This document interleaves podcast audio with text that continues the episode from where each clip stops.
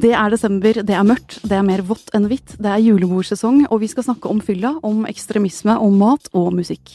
Gjestelista i denne ukas Tett på er like mannstung som en topplederanssettelsesprosess i Telenor, men heldigvis så er det ei dame som stiller spørsmålene. Eh, Mikael Andreassen, selveste P4-mekket, eh, kjent for P4-lyttere i alle landets kroker og kriker som programleder for Mikael Direkte. Hei på deg. God dag. Josef Asidik ble kjent som den første Nøtterøyboeren som konverterte til islam. eh, Deretter kjent som radikalisert og sinna muslim. Så kjent som avradikalisert, og for å hjelpe andre unge ut av ekstremisme. Velkommen hit. Tusen takk. Og Heine Totland, eh, musiker, Masterchef-vinner og kokebokmaker. Jeg har ganske store forventninger om at akkurat du skal skru opp julestemningen for oss. Ja, ja, med glede. Bra. Det må bli han! med, med den introduksjonen. Nei, men har dere hørt om mannskor? Å oh, ja da. Fint. Eh, og apropos det, et rundebordsspørsmål til dere alle. Altså, Denne uka har det vært snakk om at nordmenn ikke kan de gode gamle julesangene lenger. Eh, derfor så lurer jeg på, Mikael, eh, deg og julesanger, hvordan står det til? Jeg, det blir som Ja, vi elsker. Jeg kan første verset, eh, av mange. Eh, men, eh, men jeg har nok eh, ramla utpå på et par litt nyere julesanger. Og kanskje et par amerikanske. Men jeg kan egentlig ganske mange. Eh, nok til at jeg synger lenge nok til at folk forstår, eller tror at jeg kan dem. Ja. Altså, ja, nei, takk ikke mer nå. Du, kan, du har et minste felles multiplum. Ja, jeg har det. Så jeg, altså, jeg har noe å by på. Josef, eh, du vokste opp i et eh, hjem hvor man gikk i kirken på julaften. eh, Konverterte deg, altså konfirmerte deg i kirken. Etter at du konverterte, glemte du alle julesangene da, eller? Nei, det, jeg tror ikke det hadde noe med konverteringen å gjøre, men jeg gikk jo nå rundt juletreet sammen med dattera mi og forloveden min. Og jeg merka jo at det, det var kanskje litt sløvt, men, men det som var litt gøy, da, var at dattera mi og forloveden min, som er fra Libanon, de kunne jo alt. Og de syntes at det var mye morsommere enn alle andre. Men det som var litt gøy, da, var at uh, den uh, Der man snakker om alle dagene i uka, så på fredag så sa Så går vi rundt om en endebabusk. ja, eh, så på fredag så var det da en eh, eldre norsk mann da, som sa dere må ikke glemme å gå i, i, på fredagsbønn, da. så, så det var litt gøy da, de moderniserte da denne tradisjonelle julesangen til å også eh, passe på muslimer, da. Så gjør vi så når vi går til moskeen. Ja. Eh, Heine, hva er din favorittjulesang? Jeg regner med du kan dem alle. Ja, jeg kan ganske mange av de. Ehm, nei, sånn akkurat nå så har jeg to favoritter, på en måte. Selvfølgelig O helliga natt, oh. eh, som eh, liksom Jeg liker jo å, å, å ta sangene ned på et mer sånn jordnært nivå. Og jeg liker altså å ta, spille sånne store sanger med kassegitaren og gjøre det litt sånn tilgjengelig. Og så har jeg en Kenneth Sivertsen-julesang som jeg er blitt veldig glad i. Som er sånn vestlandsjul. Å ja, litt sånn lokalpatriotisme blandet med juleglede. Ja. Bedre blir det ikke. Nei. Vet dere hvor mange vers det er på Deilig er den himmelblå, eller? Eh, mer enn to? nei, jeg aner ikke. Vet du hva, det er 19. Jeg kunne alle sammen en gang. Er det det sant? Det er helt Det er veldig imponerende. Ja. Ok, um, vi skal over til noe helt annet. Uh, Josef, som sagt tidligere, uh, du er altså en helt vanlig gutt fra Nøtterøy. Uh, du ble døpt i kirken og fikk navnet Per Hansen, veldig vanlig. Var en helt vanlig ungdom i ungdomskulturen på Nøtterøy også. Eh, hva var det som gjorde at du fant islam og valgte å konvertere en fredag i februar 2009? Altså, det var en lang prosess. Det starta egentlig da jeg var 16 år gammel. Moren min havna på sykehuset og lå flere måneder i koma. Um, og jeg husker den første dagen uh, når jeg satt da ved siden av senga hennes og legen sa at hun hadde mest sannsynlig en eller to uker igjen å leve. Um, så hadde jeg bare ett spørsmål som gikk rundt i hodet mitt, og det var når var det sist jeg sa jeg var glad i henne? Mm. Og, og jeg kunne rett og slett ikke huske det. Uh, jeg visste det var den uka eller uka før, eller det var ikke lenge siden, da.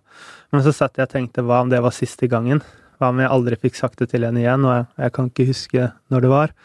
Um, og på den tiden så hadde jeg brukt all tiden min på å spille data og være med venner. Uh, så jeg følte liksom at jeg hadde glemt det viktigste, da. Familie og på en måte uh, alt rundt meg. Um, så da begynte jeg å tenke at jeg som menneske, da, jeg klarer ikke å finne ut av dette på egen hånd. Jeg klarer liksom ikke å um, å- å- finne de riktige tingene, da. Så, jeg tenkte jeg trengte en regelbok. Så det var på en måte det jeg gikk ut og leite etter, og så brukte jeg da fem år cirka på å lese om religion. Men, men altså, hvorfor Koranen? For man kunne tenke at da går man til Bibelen. Eh, Ja.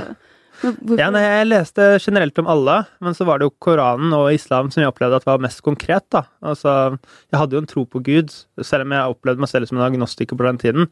Så var det på en måte ikke det jeg søkte, det var mer det eh, finne en, en oppskrift da, til hvordan man kan være det beste mennesket som er mulig å være. Og den mest konkrete oppskriften følte jeg at jeg fant i Koranen. da, der Ting var veldig direkte, og det sto på en måte ikke bare at man skal være snill og grei, men på en måte konkret hvordan og, og hvem som man skal prioritere. Eh, det står ikke bare at man skal gi til de fattige, men hvor mye man skal gi. Så jeg følte som at hvis jeg følger denne, da, hvis jeg følger dette, så blir jeg et godt menneske, som på en måte var utgangspunktet.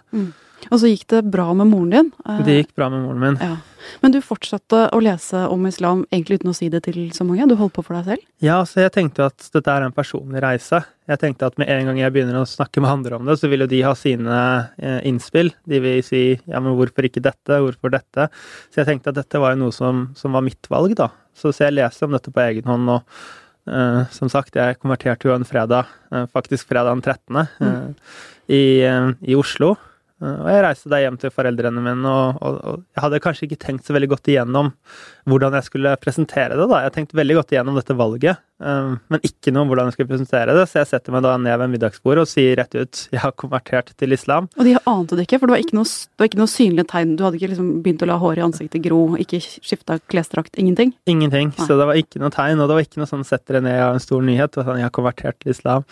Så, så det ble jo et sjokk, da. Og faren min reiste seg opp og skrek 'nei, det får du ikke lov til', Eh, og moren min begynte å gråte.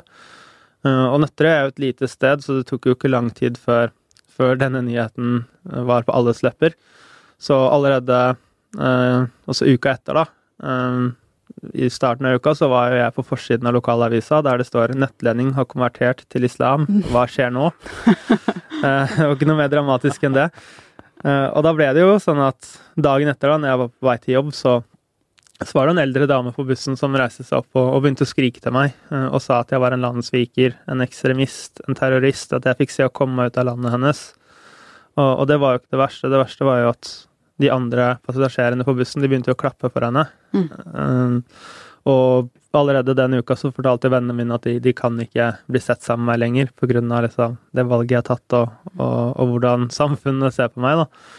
Så Så ingenting var vanlig lenger, rett og slett. Nei, altså jeg opplevde jo litt som at jeg traff en murvegg da, 100 km i timen. At livet gikk fra å være så å si helt perfekt, bortsett fra at jeg mangla da måte den, det indre, da, det som ingen kunne se, til å bli helt kaos. Og en uke etter jeg konverterte, altså fredag uka etter, så, så var jeg i moskeen i Oslo igjen, der jeg konverterte. Uh, og det var en ungdomskonferanse der, og jeg ble jo spurt om jeg kunne fortelle da, hvorfor jeg tok dette valget. Så da fortalte jeg jo først om, om hvorfor, og, og hvor godt det var å finne meg selv. Men så fortalte jeg også om hvordan det var i praksis, da. Uh, Og da sa jeg jo det uh, med tårer i øynene at, at jeg opplevde det som at jeg konverterte til islam, men konverterte ut av Norge, for jeg var ikke velkommen lenger.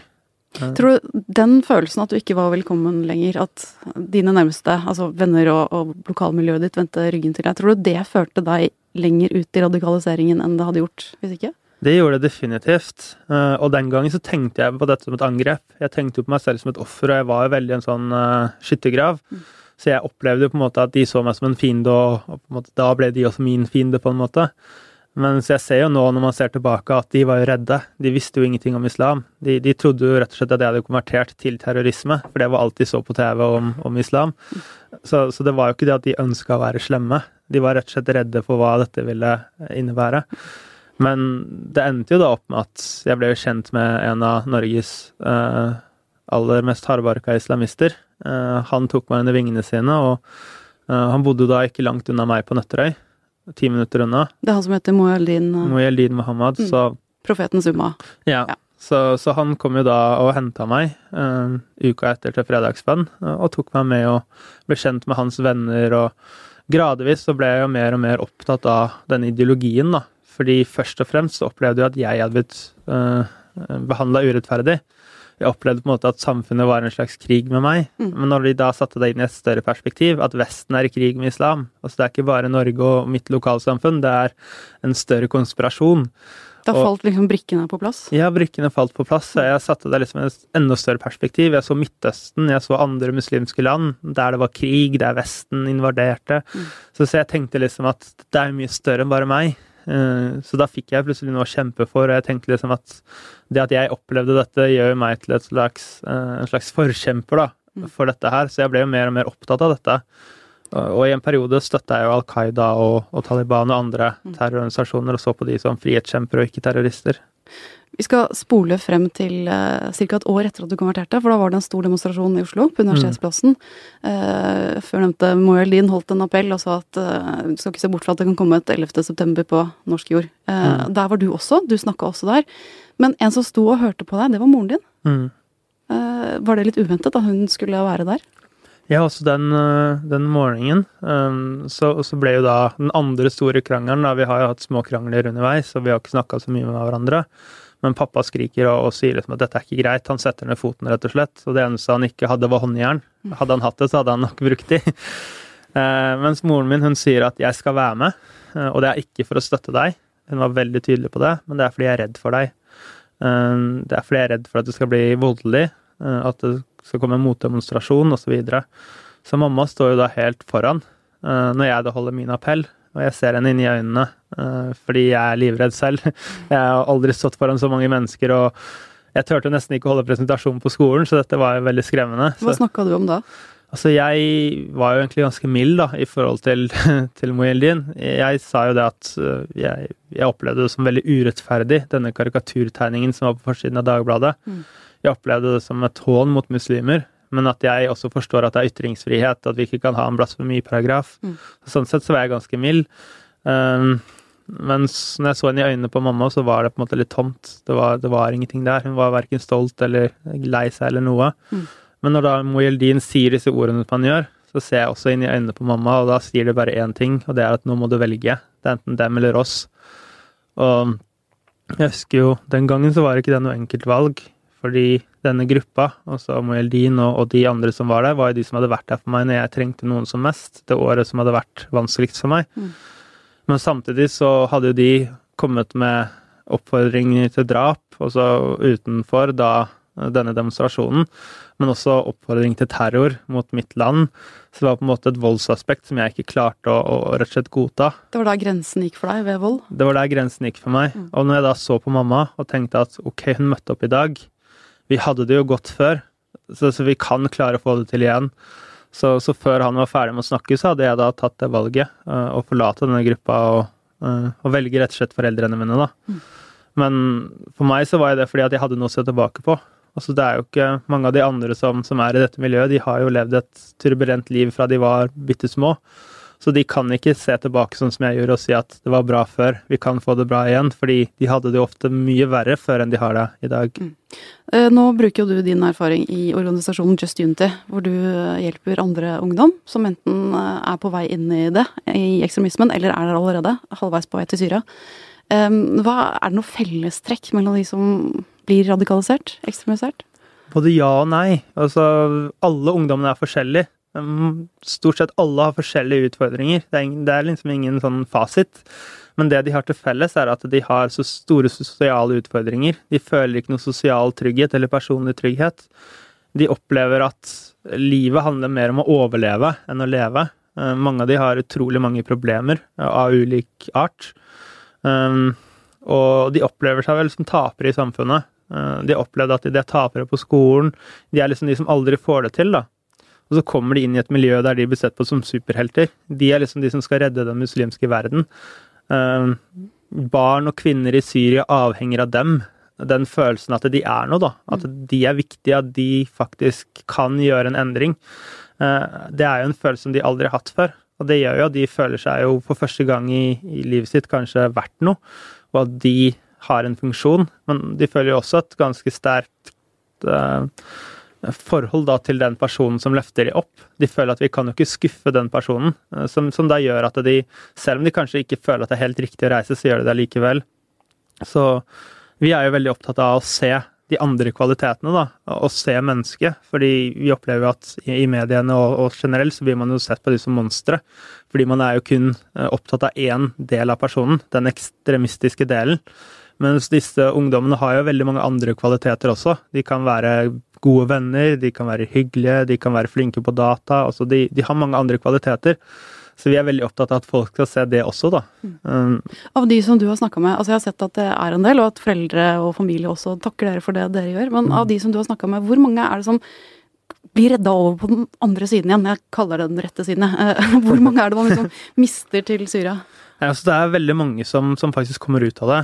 Eh, og det handler om å se de og, og følge de opp. Og, og, som sagt, for meg det var en livskrise. Jeg kunne se tilbake og se det var bra før. For mange av disse ungdommene så må man bygge opp noe å se frem til. Fordi de har ingenting som er trygt i livet sitt. Man må bygge opp et nettverk, man må bygge opp jobbmuligheter. Man må rett og slett bygge opp et helt liv for dem. Og det er jo krevende. Eh, men vi ser jo at når man har en plan, da, så er også kommunene veldig opptatt av å få dette til. Så det er jo sånn at veldig mange av de man oppdager tidlig nok, og som man klarer å, å få til å se et alternativ, klarer man å hjelpe. Så vi har jo snakka med, eller jeg har snakka med rundt 100 personer, uh, og av de så er det ni stykker som har reist, da. Uh, og nå over 40 stykker som har, har kommet ut av det. Uh, så, så, på en måte og det er faktisk færre som blir radikalisert nå enn det var for en stund? Det er mye færre som blir radikalisert i dag, og det, det er litt av måten myndighetene har straffeforfulgt folk på. Det er litt fordi kommunene har fått mye bedre kompetanse og mye bedre eh, fenomenforståelse. Altså de klarer å oppdage ungdommene mye tidligere. Eh, og så er det det at det er kanskje ikke så kult lenger, fordi man ser hva den islamske staten gjør i Syria. Eh, man ønsker kanskje ikke å støtte den. Mm.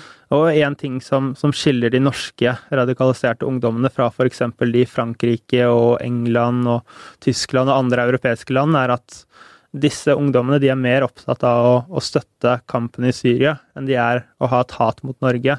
Mens f.eks. i Tyskland og, og Frankrike så, så, er store deler av radikaliseringsprosessen et hat mot eget land. Og det er pga. polarisering og diskriminering og større forskjeller, da. Mm. Men altså, hvis man ser på verdenssituasjonen nå, det er jo anspent, det sies mye rart. Eh, mm. Donald Trump skal nekte alle muslimer innreise til USA. Norge vurderer å ha med militære operasjoner i Syria. Eh, og man tenker at det kanskje får konsekvenser da, i sånne miljøer som du en gang var en del av. Mm. Tenker du på det? Tror du det er mye sånn sinne som kan rettes mot Norge i det miljøet som du kjente? Ja, så Det er jo et potensial der, men Norge er jo ganske vanskelig å hate. fordi det er jo et rettferdig samfunn der stort sett alle har like muligheter. Det er jo noen som faller utenfor. Men, men ja, det, dette er jo ting som, som, bidrar til polarisering, da. Jeg tenker hvis Donald Trump skulle vinne eh, valget for republikanerne og, og, komme i et presidentvalg, så er dette noe som, som vil splitte det amerikanske folket. Så, så vi er bekymra for det, og det er en ting som vi er veldig opptatt av i Norge. Det å på en måte prøve å holde konfliktnivået nede. Og frykt er et mektig våpen. Mm. og Det er det terroristene bruker. Altså De ønsker at folk skal frykte hverandre. Eh, og da bygge murer istedenfor å bygge broer. Og jeg opplever vel at det ikke har så stor suksess i Norge, men vi ser jo bl.a. i Frankrike nå, og Donald Trump som et ekstremt eksempel, at de er villige til å måte, bryte menneskerettighetskonvensjoner og, og, gå veldig langt da, for å uh, få den tryggheten som, som, som de vil ha. Uh, og, og, vi mener at det er et veldig galt spor å gå i. Vi mener at man må snakke sammen. Uh, og vi er jo veldig opptatt av dialog og på en måte heve takhøyden. da, At man må snakke med folk man er uenig med òg. Vi ønsker å snakke med Max Hermansen, vi ønsker å snakke med, med de som har, er skeptiske til islam, fordi vi tenker at de har jo kanskje noen gode poenger, de også, som vi som muslimer må ta til oss. Uh, kanskje er det ting vi gjør feil, eller ting vi ikke, som vi kunne gjort annerledes, som, som bygger opp tilliten og bygger ned murene. Uh, så, så vi mener at vi må se hverandre. Vi må være et land som ikke er så lett å hate. Jeg føler at det mm. noterer vi på en liten lapp og har fremme i pannebrasken fremover. Eh, du skal snart gifte deg. Ja, stemmer. Det blir fullt arabisk bryllup og greier? ja. Eh, bryllupet blir nok neste år, men eh, det blir forlovelsesfest nå til lørdagen. Eh, så, så, det blir jo veldig spennende, da. Og spesielt foreldrene mine gleder seg veldig. Nå har jo forloveden min sagt at jeg må advare dem, da, fordi det blir visst veldig heftig. Eh, arabiske bryllup er, er visst som et skikkelig vått norsk julebord, bare uten alkohol. så, så, det viser jo at arabere de kan jo feste selv uten uh, alkohol i blodet. Da. Uh, og jeg fikk jo høre det at det, noen ganger så er det fyrverkeri inne og sånn, så jeg ble, var litt sånn skeptisk når jeg skrev under på denne kontrakten til lokalet, da. Uh, så, så, jeg er litt spent selv, jeg har aldri vært på en arabisk fest. Men uh, jeg er veldig heldig da, som har en forlovede som er like engasjert som meg, og det var jo noe av det første jeg sa til henne også, at dette her er jobben min, og det er mye følelser i, i, i spill. Um, altså det, det, er folk som kan sende trusler. Um, det er folk som kan uh, stoppe meg på gata og, og skjelle meg ut. Og um, man er en offentlig person, folk vet det meste om meg. Uh, og, og det syns hun var helt greit, og, og, hun er jo engasjert selv, så, så hun har jo lagd uh, bl.a. en kampanje som heter 'Jeg tar avstand', etter da Paris-terroren. Der hun da mener at vi som muslimer har et ansvar for å si at uh, når de utfører handlinger i islams navn, så er det ikke i vårt navn. Um, og det er en avveining, fordi vi har jo ingen uh, altså, vi har ingenting å beklage for, for jeg har jo ikke gjort noe galt. Men samtidig så er det sånn at når noen hevder å utføre noe i islams navn, så, så, så, må man svare og si at dette er ikke vår islam, sånn at folk rett og slett kan bli litt tryggere, da. Mm.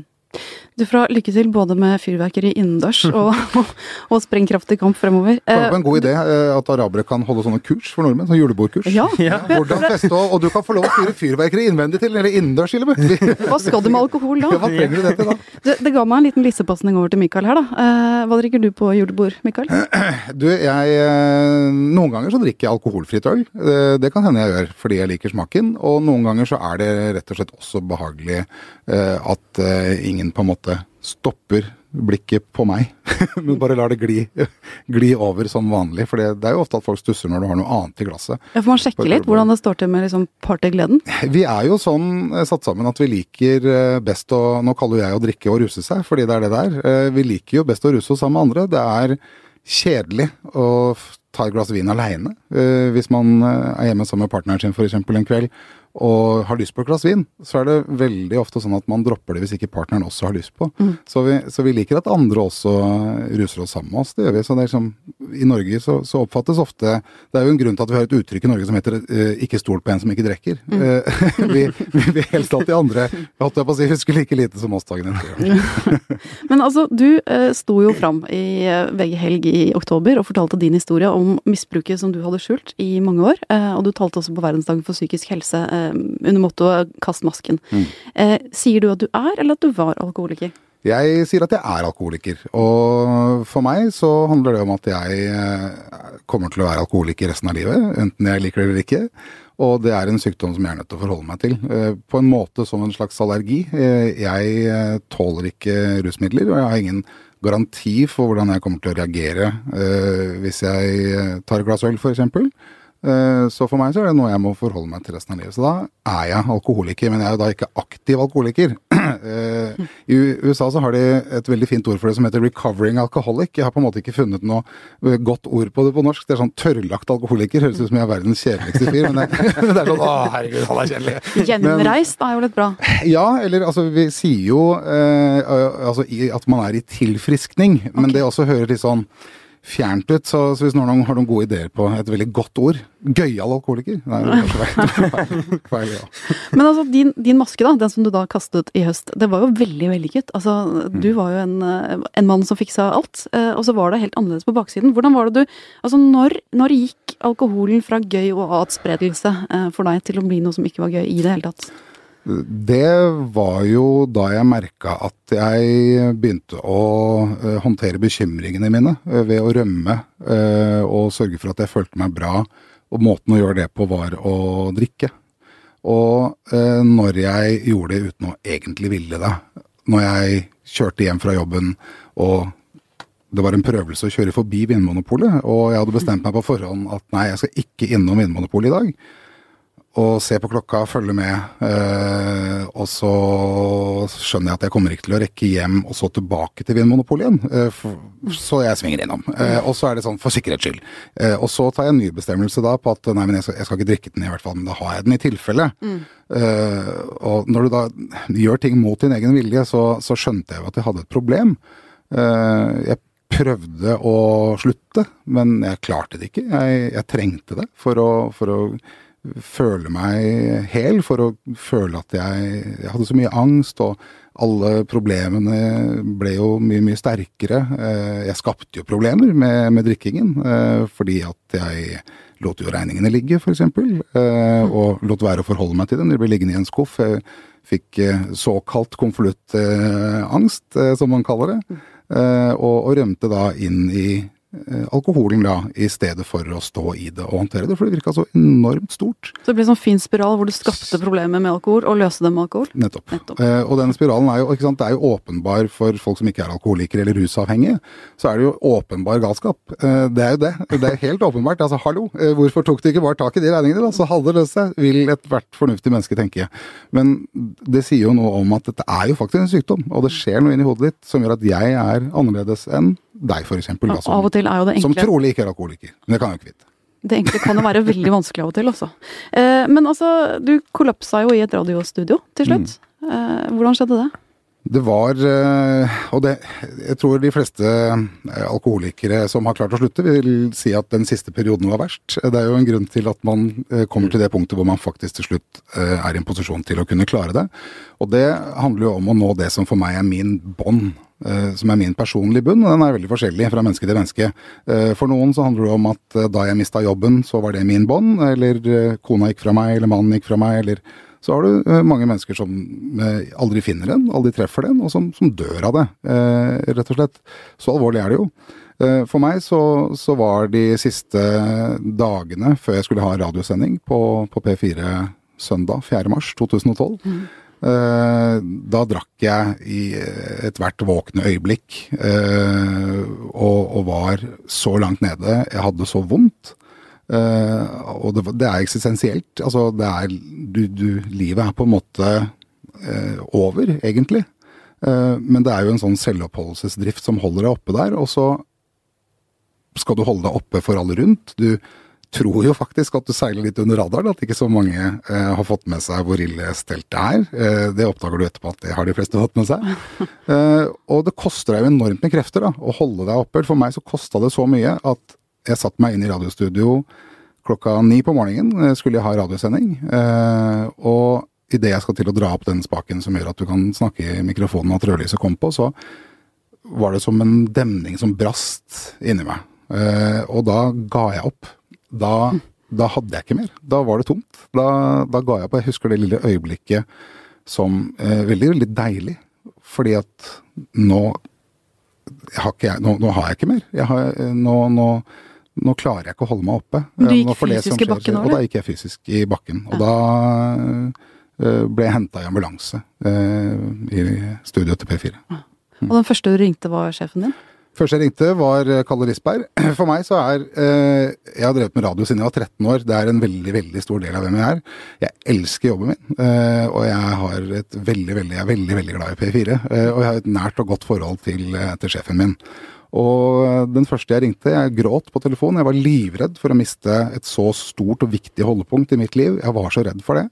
Og det første jeg ringte til, var Kalle. Og eh, uff, jeg, jeg var så redd for å miste jobben. Og det, det han gjorde da, betydde enormt mye for meg. Han sa nå må du slappe av. Nå skal du tenke på deg. Ikke tenk på jobben din, den har du. Nå skal vi eh, prøve å hjelpe deg sånn at du kan bli frisk. Hvem skal jeg ringe? Hva kan jeg gjøre? Var det jeg ble møtt med. Og det ga meg en, en ro som, som jeg trengte da. Men det å gå fra å være eh, P4-stjerne, eh, radiostjerne, til å være innlagt for eh, først avrusing og så på rehabilitering, det er jo ikke så veldig Man kjenner seg ikke så vellykka da. Nei, men det betydde ikke noe, for jeg hadde følt meg så lite vellykka så innmari lenge. eh, At jeg følte meg, eh, jeg følte meg mye mer vellykka da. For da, da eh, begynte jeg jo så smått å ta tak i ting. Eh, jeg begynte å Jeg ble presentert for noen verktøy som Oi, men dette kan jeg jo bruke til å kunne bli frisk. Og jeg tok jo en bestemmelse på at nå skal jeg bli frisk. Jeg skal klare dette. Og jeg hadde kommet godt, eh, godt inn i prosessen med å erkjenne hva jeg var. Jeg visste at jeg var alkoholiker. Jeg hadde ikke noe problemer med det. Men ok, da er jeg det, da. Eh, og da får jeg jobbe videre derfra. Eh, Så jeg fant masse styrke i det. Jeg var ikke flau i det hele tatt. Jeg er fortsatt ikke flau for at jeg har vært på institusjon. Eh, Jeg fant ut at vet du hva, for meg er det viktig å være åpen, så jeg hadde allmøte på jobben mens jeg var på institusjon. Eh, Jeg er også offiser i Heimevernet i Oslo og Akershus, og hadde allmøte med staben i Lutvann leir. Ja, men for meg var dette viktig, fordi at for, det var noen som sa til meg også at for hver person du forteller dette til, så får du en hjelper til. Og samtidig så lukka lukka jeg dører. Stengte for muligheter, stengte for åpninger. Fordi når jeg forteller det høyt, så sørger jeg for at enda flere vil reagere. Hvis det nå, da. For jeg hadde jo garantier. Jeg visste jo ikke hvordan jeg ville reagere på å komme ut av institusjonen. Sånn at, eh, sånn at, jeg stengte dører og fant enormt med styrke i å være åpen. For jeg møtte bare støtte. Eh, jeg har, ikke fått én en eneste negativ reaksjon enda på at jeg har fortalt åpent at jeg er alkoholiker. Men én ting er å ta de allmøteforedragene. en annen ting er jo å snakke med de som er helt nærmest. Du har jo en datter, blant annet. Mm.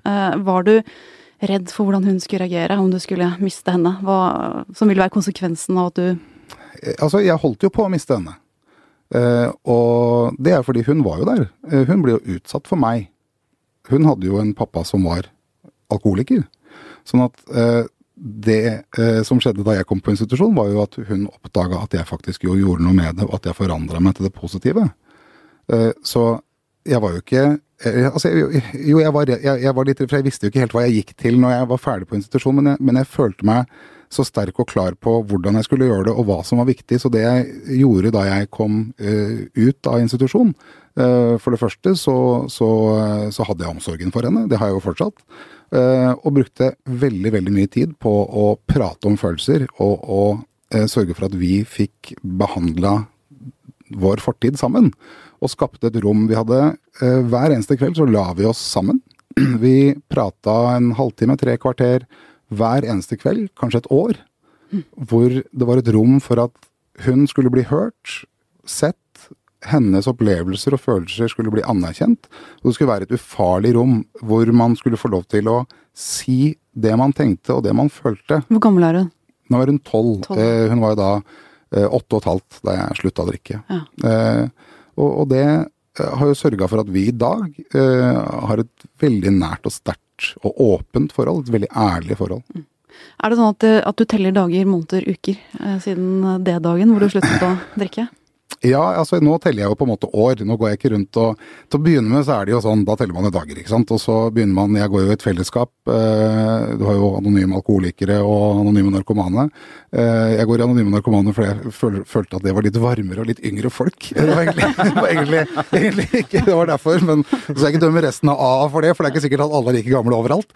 Men, eh, og der er det jo markeringer etter 30 dager, så får du en sånn, da får du en oransje nøkkelring, og det 30 dager, det er lenge, altså. Eh, det er kjempelenge. Og, og, det å få den, det betydde så enormt mye for meg. Eh, og disse nøkkelringene, sånne plastringer eh, i forskjellige farger, får du jo ved da tre måneder, seks måneder, ni måneder. Og så er det et år, og så er det 18 måneder, og så er det, er det to år. Uh, og så er det i forskjellige farger, så jeg gleda meg først til det første året. Det å ha opplevd alle årstidene uh, edru. Uh, det å ha feira jul for første gang edru. Eh, og eh, så blir, begynner tida å bety den, den, er ikke så sterk, den betydningen av, av enkeltdager. Det handler egentlig om å stå i det og sette pris på hver dag. Uansett om det har gått ett, to, tre, fire eller fem år. Så ta vare på den dagen du står i, hver eneste dag, og sett pris på den. og sett pris på den når du legger deg om kvelden. det bruker jeg tid på. Eh, det er julebordsesong, som sagt. Det er mange som er ute og drikker, litt mer enn de pleier. Eh, ja. Har du noen råd til de som er ute og sklir litt?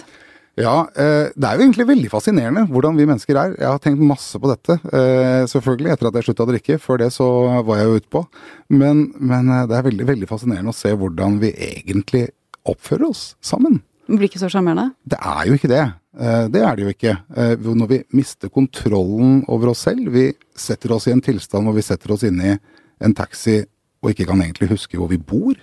Vi gjør på oss. Vi uh, kaster opp. Vi gjør ting vi aldri kunne stått for i edru tilstand. Det er ting vi skjemmes over når vi våkner dagen etter. Og det som er så fascinerende da, er at du møter sånn forståelse rundt deg når du våkner dagen etter.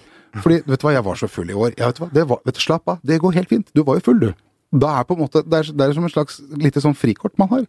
Da kan man få lov å gjøre ganske mye rart. Mm. Jeg tenker at definer og tenk deg om før du uh, går om det er på julebord eller hvor du skal drikke.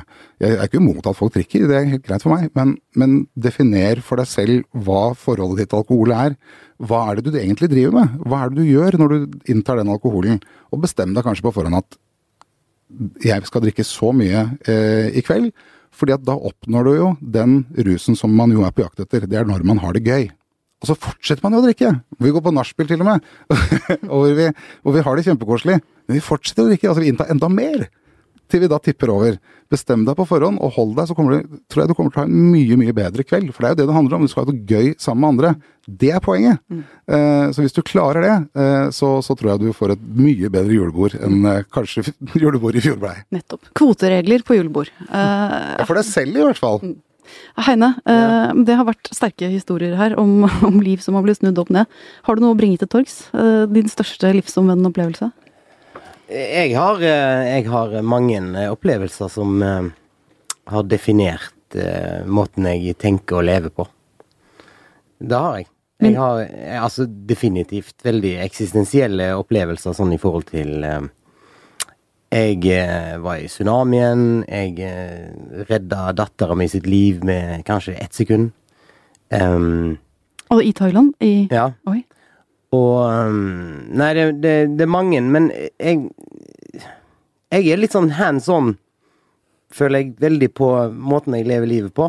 Uh, jeg føler meg Jeg er musiker og underholdningsartist, entertainer, og jeg føler på en måte at jeg lever som en sånn libero. Midt imellom alle. Jeg kan Jeg kan slenge innom eh, ei kjerke og synge, jeg kan slenge innom en moské og synge, hvis de spør. Det har de ikke gjort hittil, men uh, for all del. Um, I går var det jeg, både Jeg ser både Jeg ser julebordene fra utsida. Min lørdag er søndag. Eh, eller søndag er min lørdag. Og av og til mandag òg. Men eh, jeg, ja, jeg eh, jobber i helgene, og jeg eh, jobber om kvelden. Og jeg liksom ser ting fra et litt annet perspektiv. Så julebord for deg selv, så det du risikerer i verste fall, er å ha prøvd deg litt for hardt på deg selv. Ja. Tafsing. ja, litt for mye tafsing på deg selv. Men altså, du er jo som du sa, eh, musiker. Eh, I, og beskriver deg som en potet, fordi at du kan gjøre mer eller mindre alt. I går var du både Bertine Zetlitz og Barry White på samme kveld. Ja, jeg er litt spent på å se det på TV. Men heldigvis så hater jeg å se meg sjøl på TV, så jeg gjør det aldri. Men det er jo for så vidt gøy, da. Altså, jeg har mange alter ego. Eh, jeg trives veldig godt med det. Jeg eh, jeg, ja, jeg, jeg, liker meg liksom midt imellom. Jeg, jeg er for eksempel veldig eh, glad i å ikke drikke for mye. Jeg er veldig glad i å ta en øl etter en skikkelig heit konsert. Men jeg, liker, liker, liksom, jeg liker like godt å stoppe som å begynne, på en måte. Jeg vet ikke, det, det er en jeg, jeg, føler at jeg, jeg, prøver å leve livet mest mulig her og nå, mm. og nyte det. Jeg, jeg, forstår veldig godt hva både Josef og, og Mikael sier når, når de, de, prøver å, å, liksom, å leve årstidene, leve jula, føle jeg, jeg reagerer veldig sånn positivt på sånn kjærlighetsapostelprat. Mm. Da elsker jeg. Jeg, jeg satt meg ned nå med, med kona mi, som òg er musiker. Eh, Silje Nergård. Ja, Silje ja. Nergård. Og dattera mi eh, Jeg har vært forelska i kona di en gang. Ja. det er veldig mange år siden, altså. Bare innrøm Nei, men, men ikke sant, dette er åpenhet, det er fint. Snakk om det, få det ut. Du ba, du ba om kjærlighetserklæringer. Ja, nei, jeg, jeg digger jo det. Jeg syns både du og, og Silje fortjener å og ausa litt eh, kjærlighet over hverandre. Jeg, jeg, jeg satt meg ned og så en sånn Stevie Wonder i, i, i en, i en sånn tribute-konsert til Stevie Wonder. Han snakka jo bare om kjærlighet. Elsker det! Jeg blir kjemperørt. Jeg elsker det. Men du, jeg så deg på, på sofaen på NRK. Jeg har ikke sett så mye på selveste Masterchef, som du jo vant i år. Mm. Gratulerer med det. Takk. Men jeg så det gjennom sofaen. Da, ja. og Der var det to homser som heide så vanvittig på deg! Ja. Og må han vinne? Han må vinne, han er så kjekk! Ja, men så koselig. Fint? Ja, det er jo Ja, jeg, jeg um, Hva skal jeg si? Jeg spilte homo i Mamma Mia i ett år. Det var kjempegøy! Jeg spilte bare meg sjøl. Det var visstnok en topp rolletolkning. Og, og um, Nei, jeg, jeg, jeg, jeg, elsker alle i utgangspunktet, og altså Jo flere homser som liker meg, jo bedre. Men hadde ikke, det, hadde ikke det vært fantastisk hvis det var det du hadde blitt møtt med på bussen den gangen? I stedet. Altså, eh, det er jo helt fantastisk. Det er jo en sånn innstilling vi burde ha. Det er ikke så lett å hate eh, da. Ikke, ikke sant? Eh, hvorfor i all verden kan vi ikke ha et utgangspunkt hvor vi lar folk få en sjanse å eh, setter pris på hverandre. Ja. Altså, det er jo veldig Jeg syns det gjør vondt inni meg ja, når jeg hører deg Ja, det fortelle høre. om hvordan du ble møtt på den bussen. Mm. Jeg, jeg, altså, jeg, jeg kjenner at, eh, at, det, at det gjør vondt inni meg. At vi, at vi er altfor raske med å, å dømme hverandre og altfor raske med å støte, hver- støte folk fra oss. Mm. Men Og hvorfor er det fremmedgjøre og trekke oss unna. Men den der avstanden mellom det vi sier og det vi faktisk gjør, jeg kjenner på det liksom i disse juletider. Alle julesangene vi synger om godhet og kjærlighet og raushet, og alle skal få et hjem, og vi skal ta imot hverandre, og så er det bare helt motsatt. Hvis du begynner liksom eh, Spennet mellom en julesang og et gjennomsnittlig kommentarfelt er jo så enormt. Hva, hva er det med oss? Altså, jeg er en gledens apostel. Da, da, da, da, skal jeg gjøre, være til jeg dør. Jeg skal være så positiv som mulig mot så mye som mulig. Og, og jeg, jeg, jeg, elsker, å- jeg elsker å lage god stemning. Jeg elsker Jeg er ikke redd for det triste. Jeg er ikke redd for det alvorlige. Og jeg tar det inn i alt. Når, når jeg gjør en forestilling, så ønsker jeg at den skal romme alt. Altså, det skal være helt rai-rai, men det skal òg være helt til ettertanke.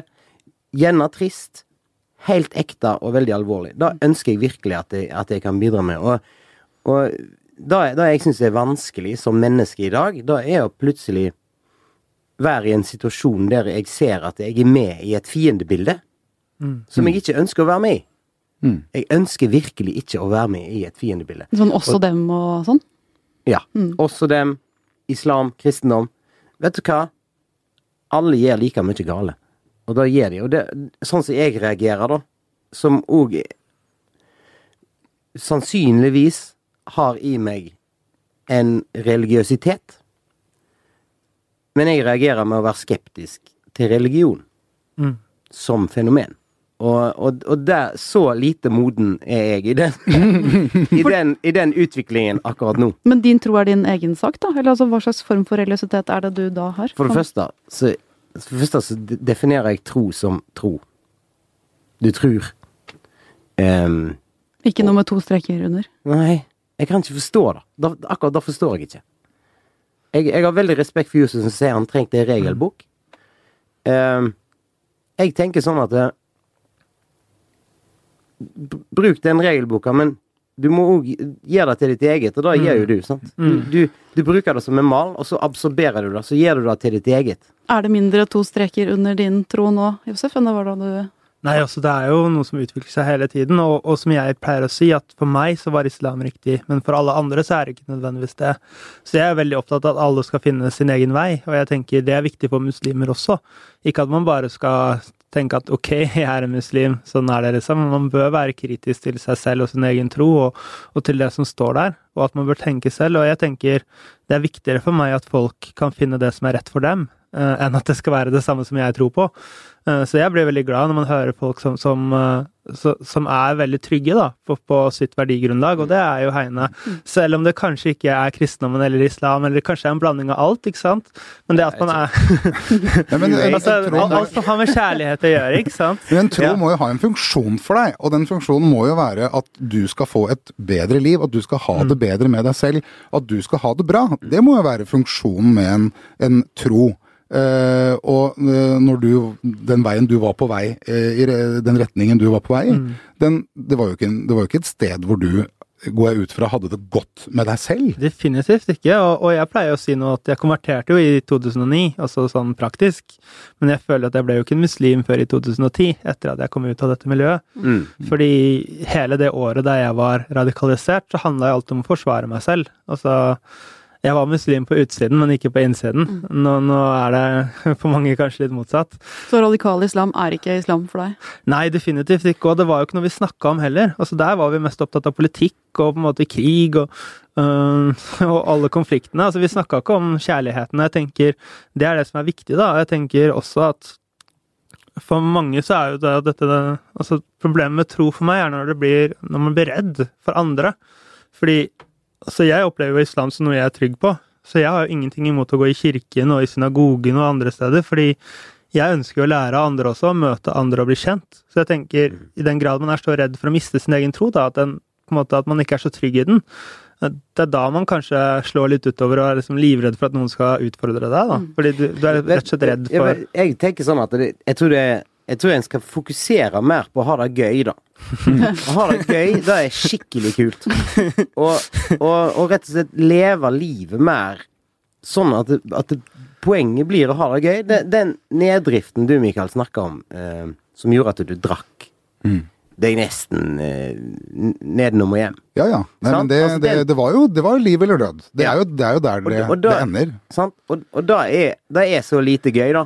Det er veldig lite gøy. Men- og, og, ja, men jeg, jeg bare tenker sånn Jeg, jeg, jeg prøver, jeg prøver å være en sånn person som, som skaper mest mulig glede, da. Og mest mulig Jeg, jeg prøver virkelig å leve livet mitt. Men du, men du, men du tør. Og, og det handler det også, når vi ruser oss også, så handler det veldig ofte om at vi tør ikke å være oss selv. Fordi risikoen for å bli avvist, f.eks., Mm. eksempel er, så- er, er så stor, og det vet vi ikke helt hvordan vi skal håndtere. Så da bedøver vi følelsene våre litt, eh, sånn at vi ja. får viska ut noen av de sansene, sånn at vi da likevel tør. Og så er ikke risikoen så stor fordi du, kan, du har en god unnskyldning, for du har dette lille frikortet. Men Heine, når du holder show, du holder show, eh, mange show i løpet av et år, mm. mye ute og reiser og spiller og, og opptrer for folk. Kommer folk litt sånn duknakka og grå inn i salen foran dere, og så gjør dere noe? Kan du liksom se at du tenner folk? At din gøy smitter over på deres gøy, og så Ja, definitivt. Men, men det, det der er jo litt forskjellig. Akkurat nå, så i år, så har jeg spilt ca. 100 forestillinger eh, sammen med Gisle Børge Styve. Eh, og, og da ser du at folk kommer med en veldig forventning.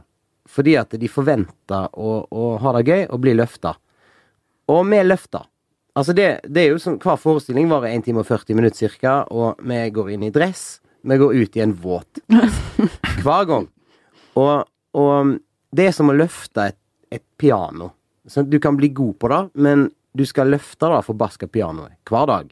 Sant? Og to ganger til dagen. Så, så det, det, er en, det er jo noe en virkelig gjør. Men, men det der med å glede Altså, jeg, jeg liker de der arenaene, sånn som du, Mikael, som snakket om at du gikk til sengs og lå og snakket med dattera di en time. Du eh, fortalte om din konvertering eh, ved middagsbordet. Jeg har veldig trua på de arenaene der folk snakker sammen. Og, og, og da, da, dette her er jeg litt sånn opptatt av òg, da. Ikke bare underholde, men de der eh, arenaene eh, Og måltidet er viktig for deg. måltidet Ja. er liksom det, Den er perfekte arena for folk å møtes. Både venner og familie. For det er en gjentagende greie. Jeg skal ikke si at eh, jeg har Jeg er jo nok ute og reiser til at det blir litt sånn oppbrudd eh, i min, men de er flinke når jeg, jeg legger jo en porsjonspakke hjemme. Da. Ja, for Silje lager ikke mat. Ja, hun, hun, jeg har lært henne et par retter nå, så nå er hun truende til å ha både en kylling og en brokkolisuppe i, i eh, Men, men Nei, men altså måltidet. Snakke sammen. For at altså Mm. Det, det er så utrolig viktig. Jeg, det så, jeg syns det er så oppskutt at folk skal være enige om alt. Folk må være uenige. Lære av hverandre og snakke sammen. Og da er Der er jo klart at eh, måltid er gøy, og Ja, altså, måltid er gøy. og det er gøy Det er gøy å liksom forberede det, det er gøy å gjennomføre det, og det er en livsviktig ting. Du må ete. Ja, dette var det jeg egentlig tenkte at vi skulle snakke masse om. Måltid og mat og hvilken musikk som passer til alt, og hvem lager mat hjemme hos deg og alt det der. Men uh, så gikk jo denne på en helt annen retning, og vi kan ikke holde på så mye lenger nå. Eh, vil du si noen ord på slutten? Uh, har du et råd til folket? Du har jo vært inne på det. Sett dere ned ved et bord, snakk om både det som er gøy og ikke så gøy. Ja, altså, jeg, jeg har, jeg har laga ei bok som heter Mat og musikk. Og det er fordi at mat og musikk hører mye mer sammen for meg, for meg enn eksempel mat og vin gjør. Um, glad i et glass godt vin som passer til god mat. Det er veldig. Men allikevel, mat og musikk Når jeg lager mat, så er det en big deal for meg. Det er, det er noe som er det, er det er på en måte nesten min Det er min eh, eh, eh, bønn. Mm. Det er min yoga, det er min meditasjon, det er min mentale trening. Da går jeg inn i en sone som jeg elsker å være, der det er konkrete ting som er sanselige, som er viktige. Det smaker godt, det ser godt ut, det føles godt. Og jeg legger hele min sjel i å lage god mat. Og når jeg lager god mat, så setter jeg på musikk. Og da, det er så utrolig gøy å lage mat og høre på musikk. Så jeg ønsker, jeg ønsker på en måte bare å inspirere folk til å bli mer liksom sånn Ta mer charge, bli mer stjerne på, i sin egen heim. Sant? Lag mat, ha det gøy, spill litt luftgitar. Vær litt sånn Syng med. ta noen diskomoves. bare Eller, eller bare, bare liksom gjør noe som føles godt. Eh, så tror jeg at det, at det da blir Jeg tror forventningene i heimen blir, blir større. Jeg tror folk rundt syns det ser mer gøy ut. Så får du bedre måltid. Selvfølgelig du får bedre mat òg. Men bedre måltid gjør at folk kommer nærmere hverandre. Jeg, jeg tror det er veldig mye som ligger, og veldig mye viktig som ligger rundt det å ha gode måltid sammen. Så det er det jeg ønsker å inspirere til med boka mi. Et godt måltid i løpet av helgen også. Eh, Vi kommer hjem til deg og tar det der, vi Heine. Eh, Josef, noen tips fra deg? Ja, altså det jeg ser da, med både min og Mikael sin historie, er jo at åpenhet er viktig. Eh, Som Mikael sier, han har aldri fått negative tilbakemeldinger for at han sto frem som alkoholiker. Samme opplever jeg, som har stått frem som ekstremist og tatt avstand fra det. Og, og mange av de ungdommene vi snakker med, de, de sier at de har ikke turt å snakke med noen før. En helsesøster, eh, en, en i barnevernet. Så de sier at de vil ikke forstå meg. Men de er klare til å forstå, så man er rett og slett redd fordi man tror at folk skal dømme deg, at de aldri kommer til å forstå. Men det er jo ikke sånn det fungerer. Så jeg tror det at flere tør å være åpne og fortelle om sine problemer, og fortelle at livet er ikke alltid en dans på roser. Noen ganger så skjer det ting, noen ganger så er det vanskelig. Men man kommer seg ikke alltid gjennom disse tingene alene. Noen ganger så trenger man en venn, noen ganger så trenger man profesjonell hjelp. Og det å tørre å si ifra, tørre å være sårbar, tror jeg er viktig. Og, Ta et allmøte om problemene. ja, og jeg tenker jo også, når man hører på Mikael, så tenker man at det er jo en styrke i seg selv, det å tørre å gjøre dette her. Altså, det er jo en ekte styrke. Mm. Uh, og man er kanskje redd for at folk skal se det som en svakhet. At- At de skal se at du er svak, men egentlig så ser folk opp til deg. Man blir jo faktisk imponert og inspirert av å se andre som tør å, å være sårbare. Mikael, Kan jeg si det han sa?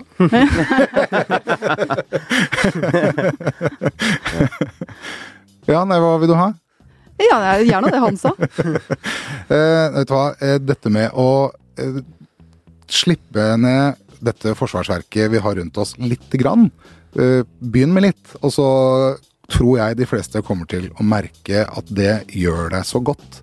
Det gjør deg så utrolig godt eh, at du kommer til å slippe opp mye, mye mer. For hvis vi møter hverandre eh, litt ærligere og litt åpnere eh, og litt mer ekte, så tror jeg at vi ja, eh, Kanskje ikke det vil gi oss fred i verden de første ti åra, men jeg tror at vi, eh, at vi vil eh, møte Altså vi vil møte hverandre på en, på en annen måte som, som gjør at vi får det mye bedre med oss sjøl, og folk rundt oss får det mye bedre også. Og så slipper vi å bære på så innmari mye ting inni oss aleine. og det er veldig mye du tror og antar at eh, andre vil eh, føle og mene noe negativt om. Og så når du først tør å slippe opp litt, grann, så merker du at det er stikk motsatt. Det skal bli så mange gode samtaler denne helgen. Det føler jeg på meg. Takk til dagens tre kjærlighetsapostler, Josef Asidik, eh, Mikael Andresen og ikke minst Heine Totland. Også til kjærlighetsapostel Magne Antonsen som sitter der borte og er produsenten her. Vi høres neste uke.